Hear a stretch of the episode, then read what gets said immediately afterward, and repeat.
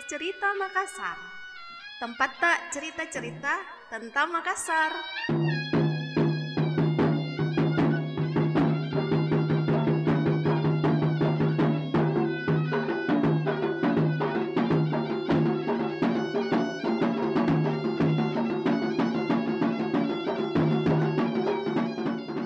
Ya, kembali lagi bersama saya Dengi Pul di podcast Cerita Makassar dan sayang sekali malam ini saya sendirian karena Kak Ancu lelaki Bugus tidak bisa hadir. Jadi dia masih jad- eh, jadwal ceramahnya padat di bulan Ramadan ini.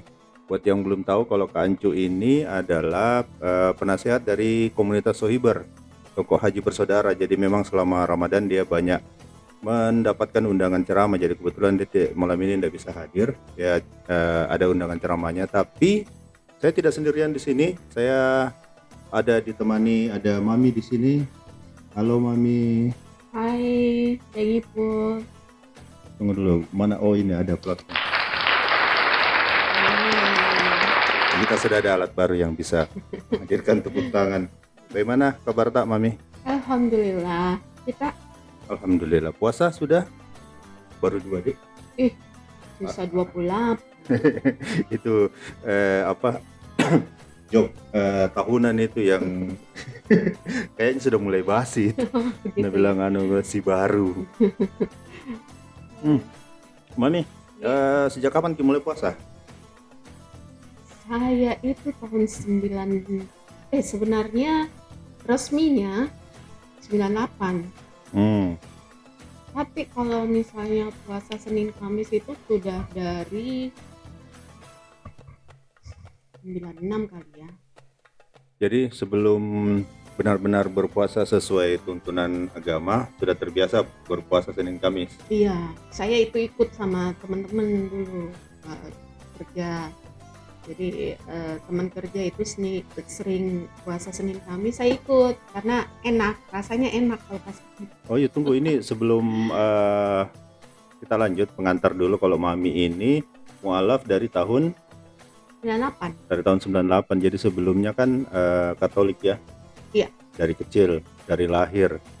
Jadi kalau bicara kenangan puasa waktu masa kecil mungkin agak berbeda. Kan biasa nih kalau kita misalnya dengar eh, pengalamannya orang puasa masa kecil yang muslim itu pasti ada banyak macam-macamnya. Nah eh, menarik buat saya dan mungkin buat teman-teman juga untuk mendengarkan bagaimana ke- kenangan berpuasa masa kecil dari seorang mami yang waktu kecilnya belum berpuasa. Oh iya, jadi spesifik kita Spesifik, bicara jadi agak-agak beda. Iya. Kita bicara masalah suasana Ramadan pada saat saya masih belum merayakan Belum menjalankan, menjalankan ibadah puasa. ibadah puasa ya. Oke, saya sih sebenarnya tinggalnya di daerah Bontoala sana ya. Jadi daerah Bontoala itu kan apa? Mayoritas Apa itu? muslim. Oh, oke. Kandea, Lamuru, Tepatnya di jalan di Jalan Lamuru. nomor berapa? Anda perlu Jangan sebutkan nomor.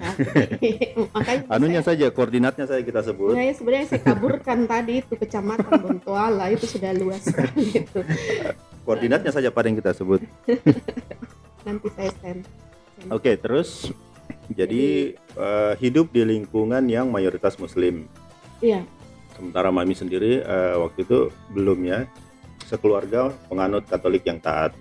Iya, benar. Eh, dan kalau boleh dikata, biasanya kan kalau eh, kita tinggal di satu lingkungan itu minimal ada keluarga kita kan yang sesama Katolik atau apa gitu kan. Ya, Tapi ini sama sekali tidak. Jadi kiri, kanan, depan, belakang semua muslim. semuanya muslim. Bahkan kalau tidak salah ada masjid juga dekat situ ya. Ya, masjid mungkin sekitar meter ya, 60 sampai 100 meter. Ah, Heeh. pokoknya suaranya kedengaran lah ya. Iya pasti. Saya terbiasa dengan azan, suara azan. Jadi eh, waktu kecil eh, justru karena masjidnya itu masih masih tradisional dan sampai sekarang loh mereka itu apa kalau misalnya azan ceramah apa itu masih masih pakai toa Oh. Iya, jadi benar-benar masjid kampung Belum tidak pakai ini di yang apa yang sound system yang modern itu belum. saya nggak tahu dia pakai apa ya tapi Suaranya masih suara tua. iya suara tua tapi yang saya yang saya sangat ingat itu adalah di setiap momen azan di setiap waktu azan dan sebelum azan eh, pada saat ceramah itu semua di ditoakan Oh. jadi pakai speaker itu semuanya jadi saya juga mendengar ceramah-ceramah itu Ah, terlebih lagi pada saat Ramadan ada penceramah yang kita ingat yang populer di zaman itu, zaman-zaman 80-an, 90-an awal gitu. eh, sebenarnya saya tidak terlalu interest terus terang Oh, oke. jadi sebenarnya itu berlalu seperti kebiasaan Yo, sebagai anu saja, sebagai sebuah kebiasaan yang ya berjalan begitu saja, Iya. tidak tidak terlalu saya diperhatikan. tidak pay attention gitu ini ada apa atau apa tidak jadi saya mengikutinya itu sebagai satu alur Oh, oke. alur ya kalau sore saya paling suka sebenarnya pas kalau mau azhar itu karena di situ waktu tidur saya dan saya memang jadinya sangat sangat ingat momennya Maksudnya waktu tidur pada saat azan azan asar itu tidur siang saya jadi itu memang penanda, iya penanda untuk memulai tidur siang atau penanda untuk bang mengakhiri tidur siang. Oh, penanda untuk bangun terus bagaimana suasana puasa di situ waktu itu?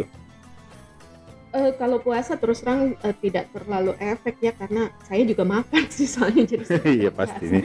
Tapi yang paling eh, jelas di suasana Ramadannya itu pada saat tarawih. Oh, oke. Jadi Apa, apa yang diingat?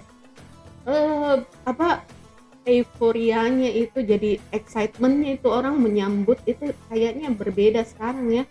Dulu-dulu itu kalau misalnya pas habis buka terus eh, sudah pokoknya begitu habis buka makan itu udah rame di depan. Di depan. Oh, Heeh. oke. Orang orang Udah ke masjid. ngumpul-ngumpul. Belum ke masjid itu. Oh, baru gum- ngumpul-ngumpul saja di Baru depan. ngumpul-ngumpul eh maksudnya ngobrol karena mau sama-sama ke masjid, Ke masjid. Bontoala. Masjid Oh, Bontoala. oke oke. jadi eh, suasana itu yang saya rasakan karena kan kita ada teras gitu terus langsung jalan memang agak padat sih lingkungannya jadi uh sudah ramai di depan dan itu menyenangkan sebenarnya buat saya karena apa komunal ya jadi ngumpul Oh, sama-sama ah. ya terus orang cerita apa ketemu-ketemu. saja gitu ya Dengan logat Makassar yang khas pasti. Karena saya Hmm. bayangkan daerah situ kan masih daerah bisa dibilang daerah pinggiran kan. betul sampai saat ini pun kan saya bisa bahasa Makassar Gara-gara tinggal di situ. situ ya. Oh. iya Terus eh, jadi bisa dibilang eh, suasana Ramadan yang paling terasa ketika habis buka puasa itu. Kalau Iya. siang mungkin tidak terlalu terasa karena seperti biasa gitu makan tambahannya minum. sih sebenarnya pada saat sahur saja karena dulu Ada suara. Yang yang apa bangunin sahur itu kan jam 2 dulu dulu itu orang Oh iya karena aduh Tidak 2 ada, itu Pi. sudah kaleng-kaleng maksudnya sahur sahur sahur masih keliling di karena Masih waktu itu keliling. belum belum banyak orang punya alarm jadi harus ada orang yang harus ada warga yang ikut bantu membangunkan. Jadi pasti bangun Ki juga kalau eh, kalau begitu. saat itu bangun tapi eh, maaf waktu itu saya masih merasa saya terganggu karena karena saya tidak Karena tidak harus bangun, puasa, tidak- iya, tidak harus berpuasa. puasa gitu Terus eh, setelah itu mulai eh, besar, mulai ikut-ikutan puasa Senin Kamis walaupun eh, tujuannya bukan untuk ibadah ya. Awalnya cuma ikut-ikutan. eh, walaupun saya di lingkungan kerja itu sebenarnya eh, mayoritas muslim juga tapi yang teman saya puasa itu justru memang Kristen juga dan Oh, kita ngikut gitu. gitu, loh Senin Kamis Tapi Eh, sebenarnya oh, se- sebentar saya potong. Dalam ajaran Kristen Katolik ada eh, keharusan berpuasa enggak? kalau dari Katolik sih sebenarnya eh, keharusan berpuasa itu pada masa eh, sebelum eh, Paskah Oh, oke. dan eh, puasanya juga tidak tidak bilang puasa istilahnya pantang. Oh, pantang jadi saja. pantang pantang itu apa eh, pantang makanan yang berdarah gitu. Oh, jadi eh, bolehlah makan tapi eh, nggak boleh makan yang berdarah gitu. Oh, tapi itu pun di waktu-waktu tertentu mulai dari Rabu Abu gitu.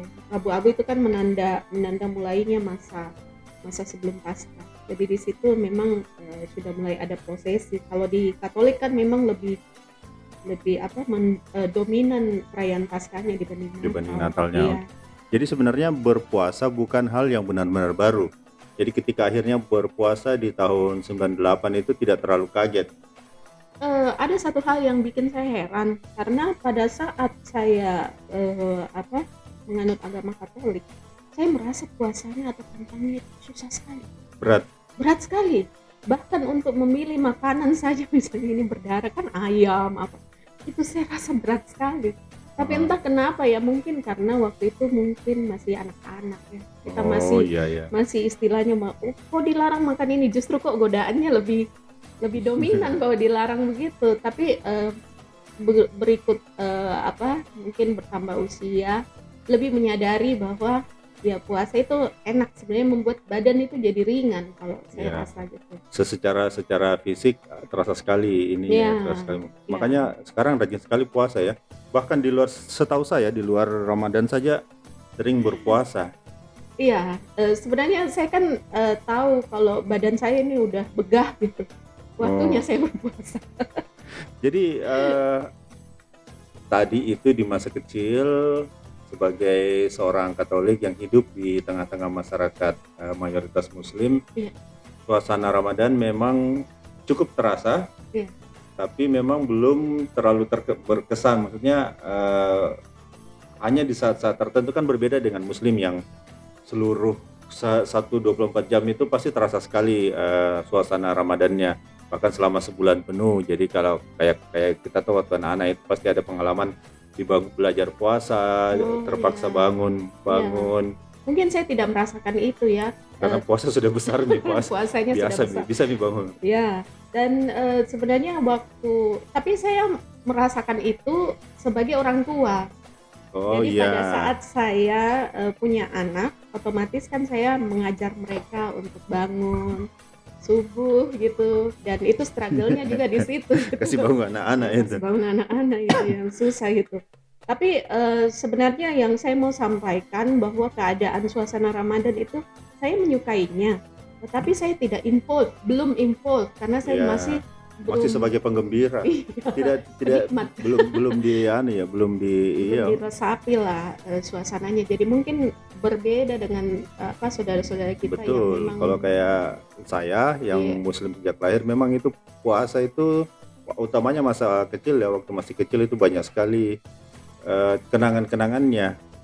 Justru kalau buat saya yang paling berkesan itu puasa waktu zaman kecil kenapa begitu? karena ah, ini tapi saya mau cerita tapi bagaimana kalau kita ajak ke Ancu saja Oh, ini. boleh. Kayaknya selesai nih ceramahnya ini. Jadi kita bisa ajak sekalian tunggu kita telepon dulu ke Ancu. Mudah-mudahan Oke. bisa gabung.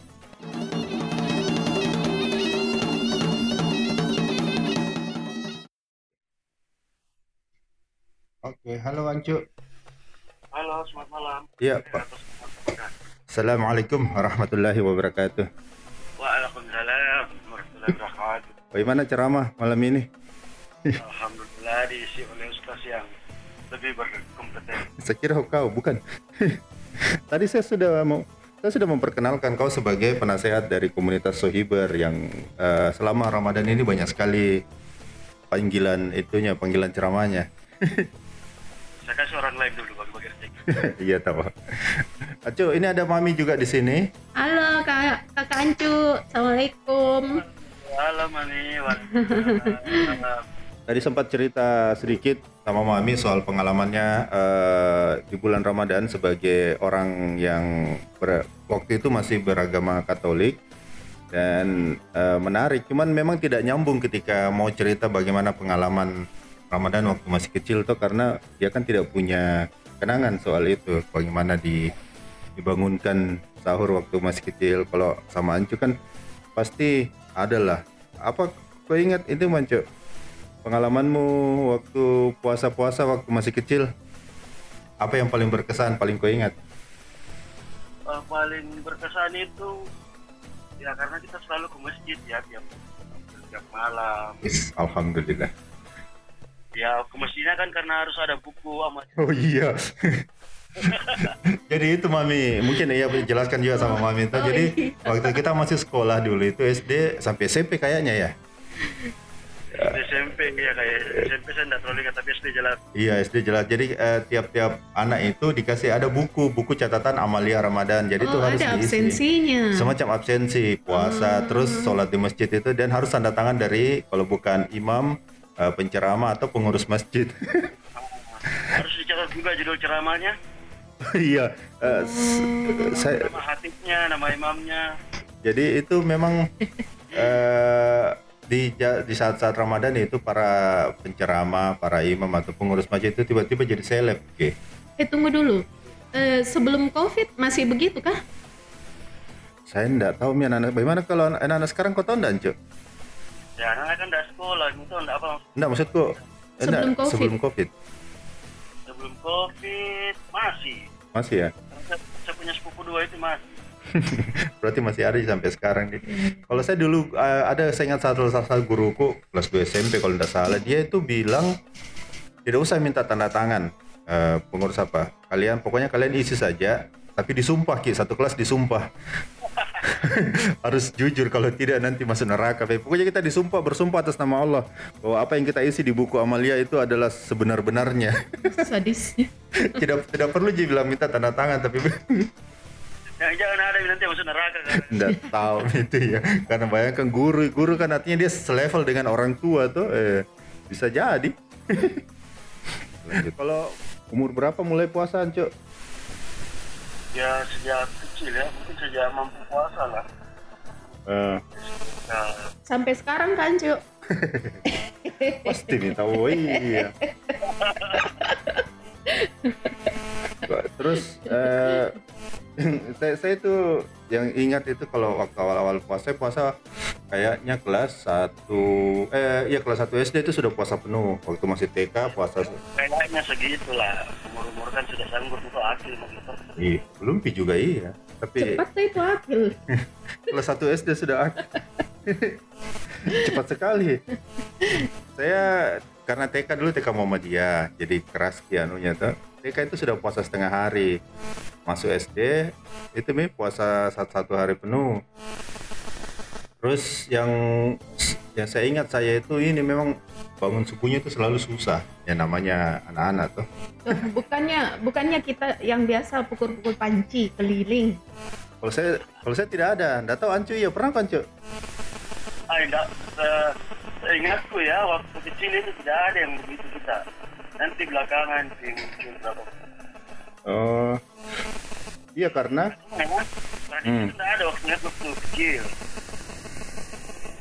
karena saya kalau kalau saya jelas tidak ada karena saya dulu waktu masih kecil tinggal di perumahan yang rumahnya cuma 12 di belakangnya hutan di depannya di depannya lapangan jadi memang tidak perlu ada yang begitu-begitu cuma memang saya ingat eh, cuma memang saya ingat dulu itu kan belum ada pi rice cooker jadi memang ibu-ibu itu selalu bangun jam-jam 2 itu untuk masak tuh Eh, tidak ada pi kulkas, tidak ada rice cooker, jadi memang bangunnya selalu lebih cepat. Kalau sekarang kan ada pi kulkas, ada rice cooker, santai nih orang.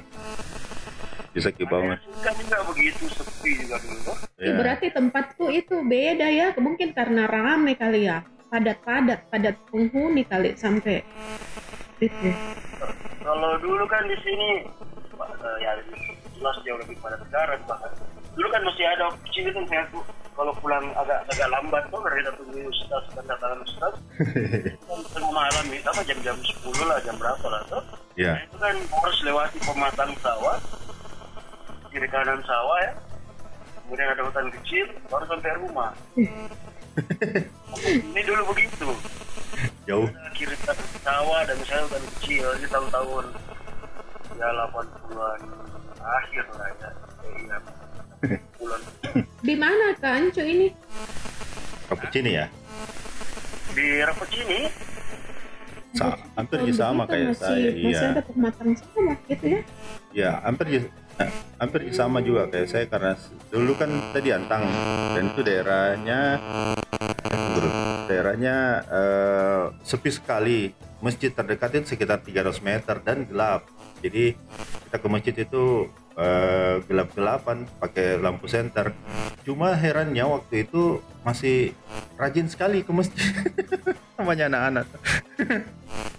Namanya anak-anak rajin sekali ke masjid Dato eh, makin lama kok makin ini. Saya ingat sekali itu dulu ada yang itu karena warna perak, baterainya berapa dua. Yang besar itu, yang besar itu. Oh, iya. Kancu. Aku kecil. Oh, iya, ada dua versi itu ya. Ada yang besar, pakai baterai besar. Iya. Oh, pakai baterai yang AA. Hmm, iya, iya. Apa ya? Itu harus selalu ada itu karena kan hutan Pak Jawa itu meskipun hanya hutan kecil dan ada penguasaan sawah. Terus ada juga yang saya ingat itu ini eh, dulu ya eh, waktu masih eh, masih radio masih ini televisi belum. Kalau sahur itu selalu ditemani sama dulu di RRI itu ada eh, penceramah eh, Pak Kiai dan dan Denaba Pak Kiai ini almarhum Bakri Wahid. Dan dia dari tahun 70-an itu setiap subuh di bulan Ramadan jadi dia selalu membacakan pertanyaan dari eh, apa pendengar pendengar Oh, radio interaktif nih. tapi eh, sebenarnya rekaman sebelum sebelum Ramadan dia Oh. ini dan atau kau sempat mengalami enggak Anco? Eh, saya tidak ingat, saya bukan pendengar.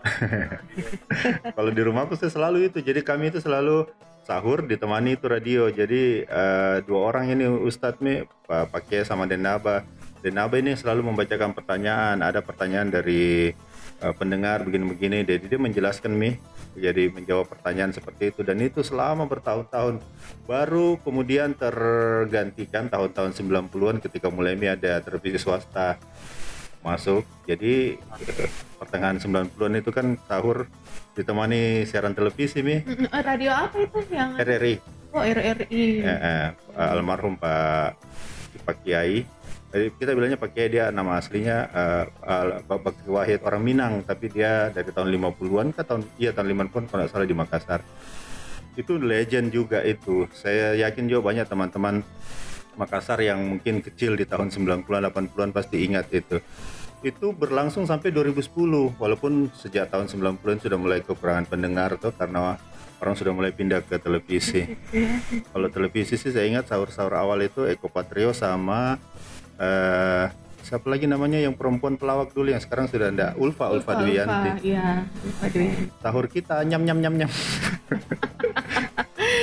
Pas mulai mi ada televisi tuh tergeser mi kurang itu radio nggak pernah mi ada yang dengar. Eh, kami ya tidak pernah dengar lagi. Tapi ternyata saya baru tahu kalau dia masih bertahan sampai 2010 sebelum benar-benar eh, tutup acaranya.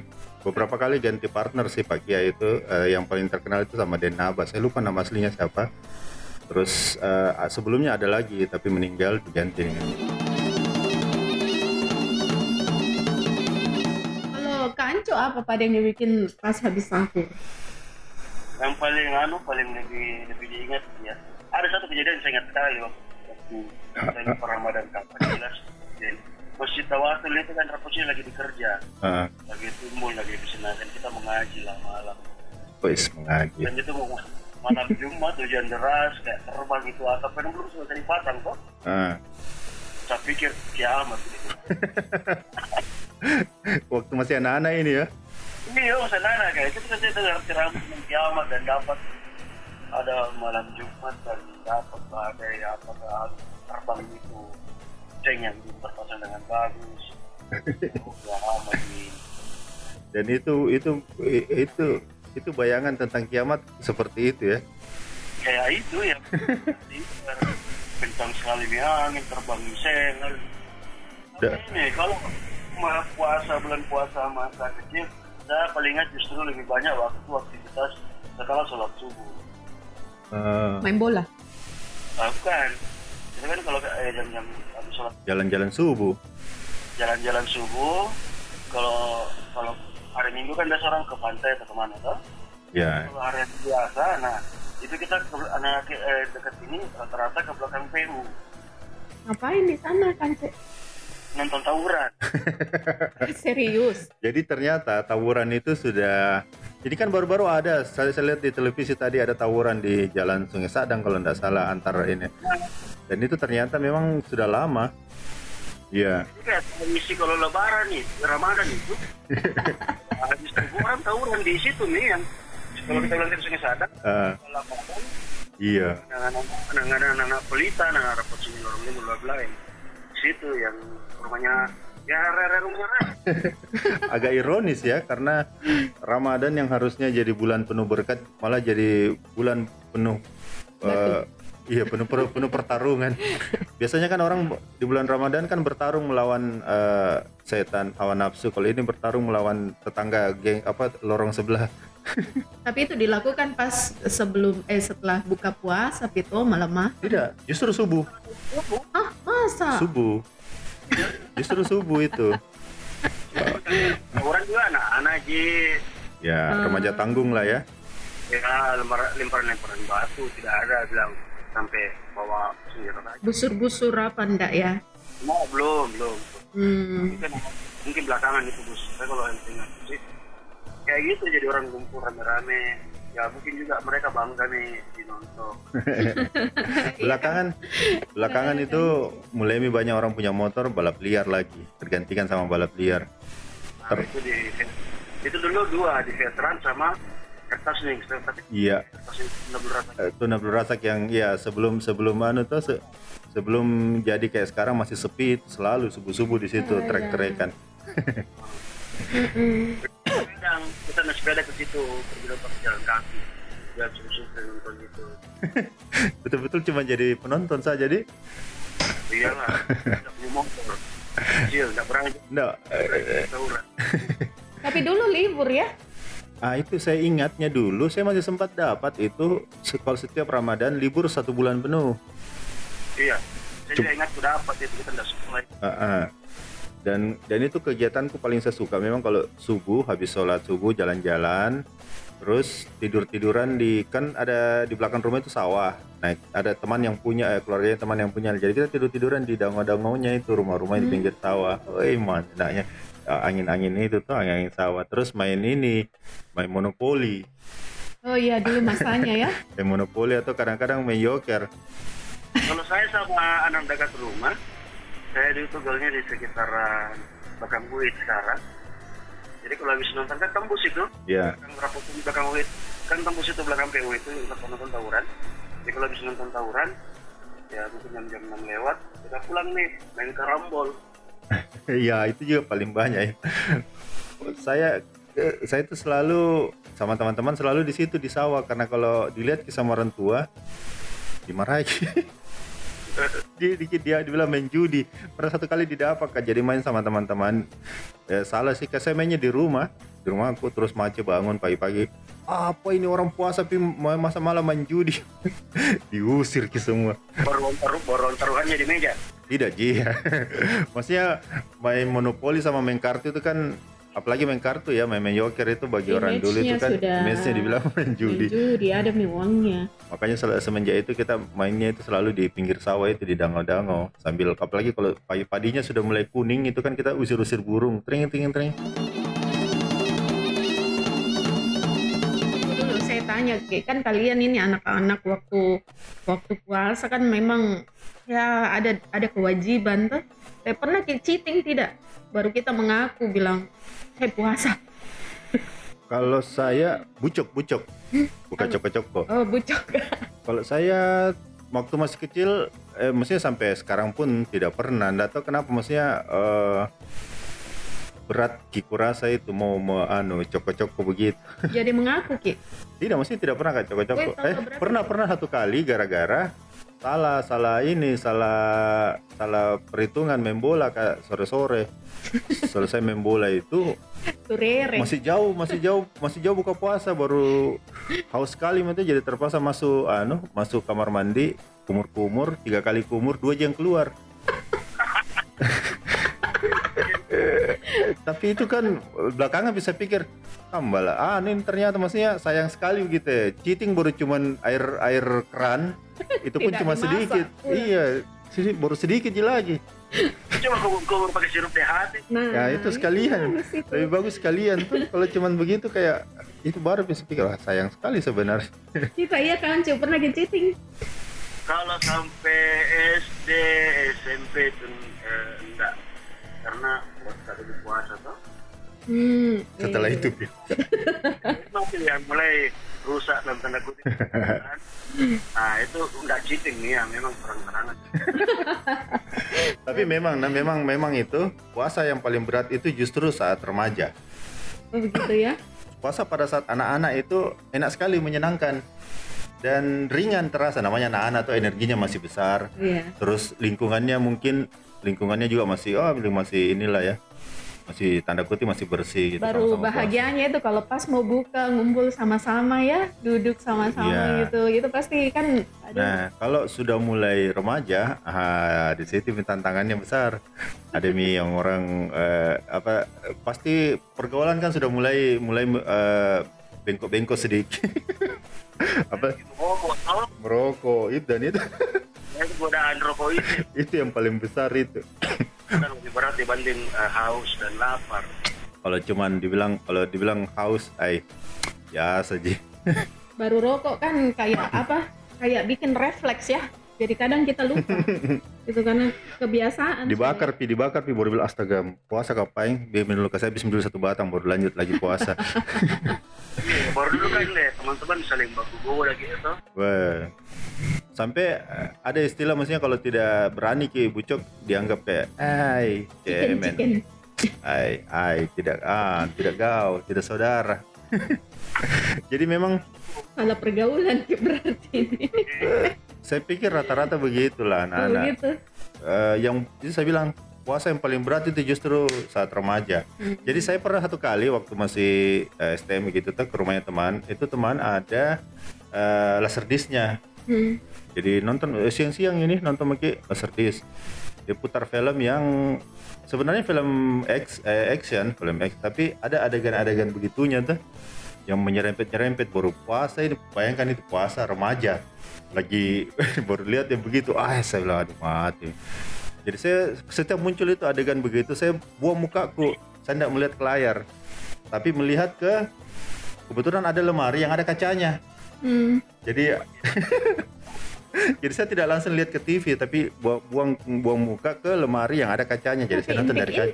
sama saya nonton dari kaca. Kan ku bilang saya tidak berniat tidak nonton Tuhan saya kebetulan gini balik kanan ada lemari ya itu. Eh tapi ada ndak efeknya? ya namanya anak muda tuh lihat begitu-begitu pasti ada yang menggelora di dalam. Ya itu mungkin yang dibilang puasa cuma dapat laparnya saja tuh tidak dapat. Tapi betul itu memang aduh paling berat itu puasa anu puasa pada saat remaja. Eh, mana kalau kita lagi puasa tiba-tiba ada teman yang datang bangun berdembuskan kan. nah, inasan kita bangun buka. Iya itu saya, saya, saya pikir tapi ya saya untungnya untungnya mas ber- beberapa kali juga di eh, ada tuh digoda teman tapi masih masih Bertahan. secara fisik masih maksudnya saya tidak saya tidak saya tidak minum makan merokok tapi ya kayak itu tadi saya bilang Apa istilahnya makro ya? Mak- mungkin mungkin mungkin secara kualitasnya itu kuantitas ada tapi kualitasnya turun sekali udah mau gugur ke wajib. Iya itu Ji. Dulu kan kita belum memahami esensi puasa atau yang penting tahan lapar haus tidak merokok itu padahal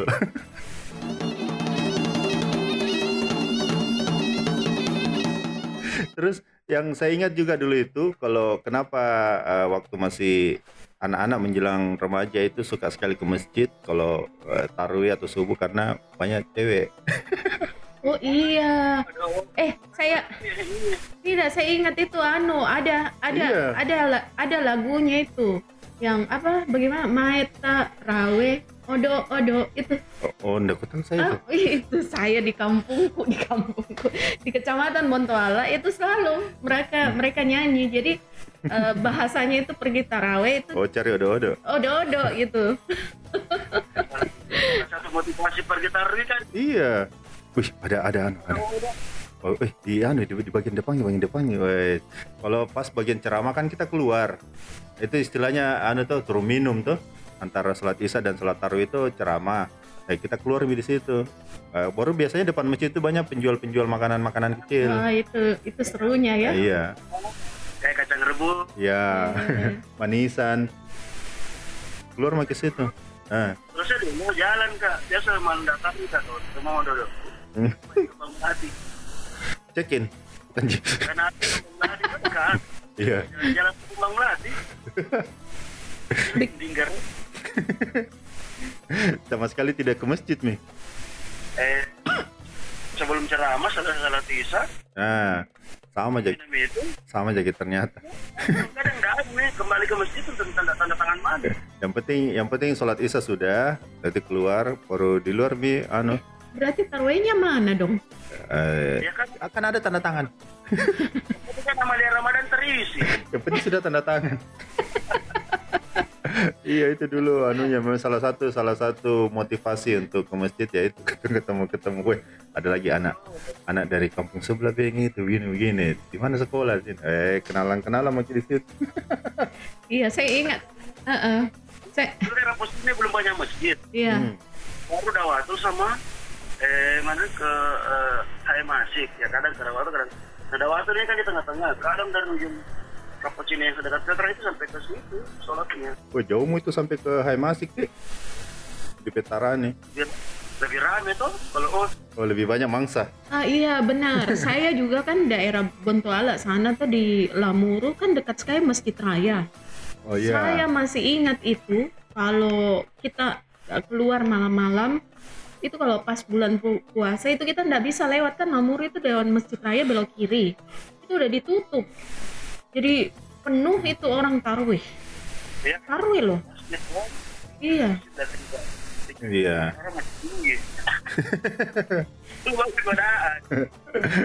iya jadi eh, saya ingat saya harus pulang sebelum orang tarwih. Karena eh, pasti kalau misalnya apa mau balik tidak harus bisa nih nungguin gitu harus Ya. nungguin selesai baru Iya karena Bisa. memang iya Masjid Raya memang pusatnya tuh zaman itu dan belum belum terlalu banyak. Sekarang mungkin ya masjid sudah ada di mana-mana. Ini satu kompleks aja sudah ada berapa?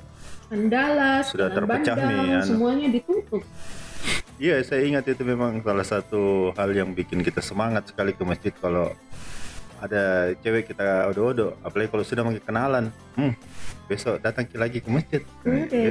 besok- Jadi jadi setiap tahun ada berhasil. Tidak, iya itu terus jadi ulang-ulangi. Cuman biasanya setelah beberapa tahun, ih itu anu besar nih. Pernah berapa tahun yang lalu masih anak-anak tuh, ih besar nih, remaja minta wae bisa video. Jadi ganti, ganti target lagi. kenakalan anak-anak waktu bulan puasa tahu kita pernah lakukan atau tidak tapi saya pernah lakukan Apa itu? mukena pakai mukena masuk di Wah, Serius? saya tidak sampai segitunya dia. Weh. Terus apa yang dilakukan di sana?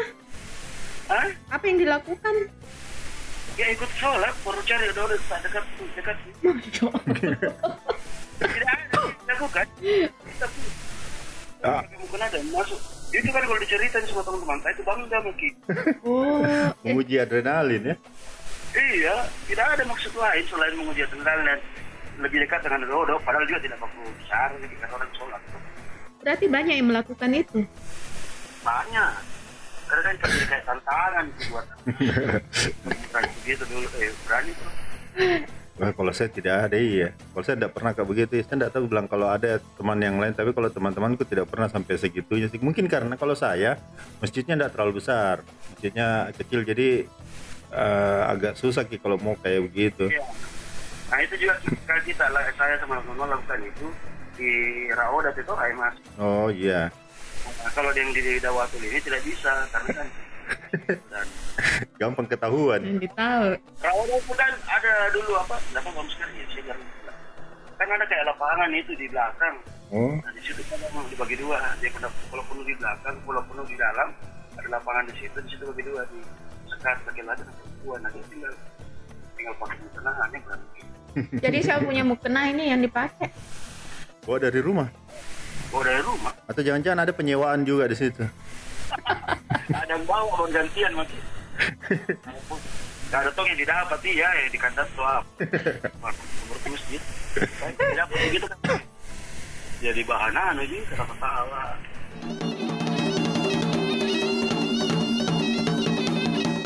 Ya kenakalan kenakalan kenakalan masa kecil lah ya. Seru-seruan ya. Ya, Sekarang tidak bisa nih begitu.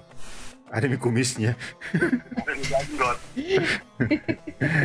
Oke Pak dengan Cuk sudah terima kasih eh, kita berbagi pengalaman eh, berpuasa zaman masa kecil dan ada tambahan cerita dari Mami juga bagaimana dia melihat puasa waktu dia masih kecil sebagai orang yang tidak berpuasa. Menarik karena kan bi- kalau bilang cerita dengar cerita orang puasa waktu masih kecil biasa Mito. Nah, yang yang ini unik karena orang yang tidak berpuasa bagaimana dia merasakan suasana Ramadan di sekitar rumahnya yang kebetulan mayoritas eh, muslim sementara dia sendiri tidak berpuasa. Eh, Apakah pengalaman kita dulu kecil masih dilakukan? relevan. Iya. So, kan jelas begitulah waktu kecilnya begitu. Nanti mungkin kalau ada anak-anak kecil yang anak-anak anak-anak zaman now yang bisa bagi pengalamannya zaman-zaman sekarang mungkin menarik juga.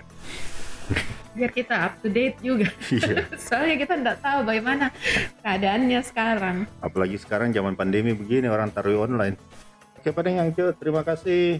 Semoga puasanya lancar untuk teman-teman semua yang mendengarkan juga. amin Semoga amin. puasa eh, yang yang berpuasa semoga puasanya dilancarkan sampai em, akhir bulan Ramadan tahun ini dan semoga kita masih bisa bertemu kembali dengan Ramadan tahun depan. amin amin Tetap jaga kesehatan semuanya.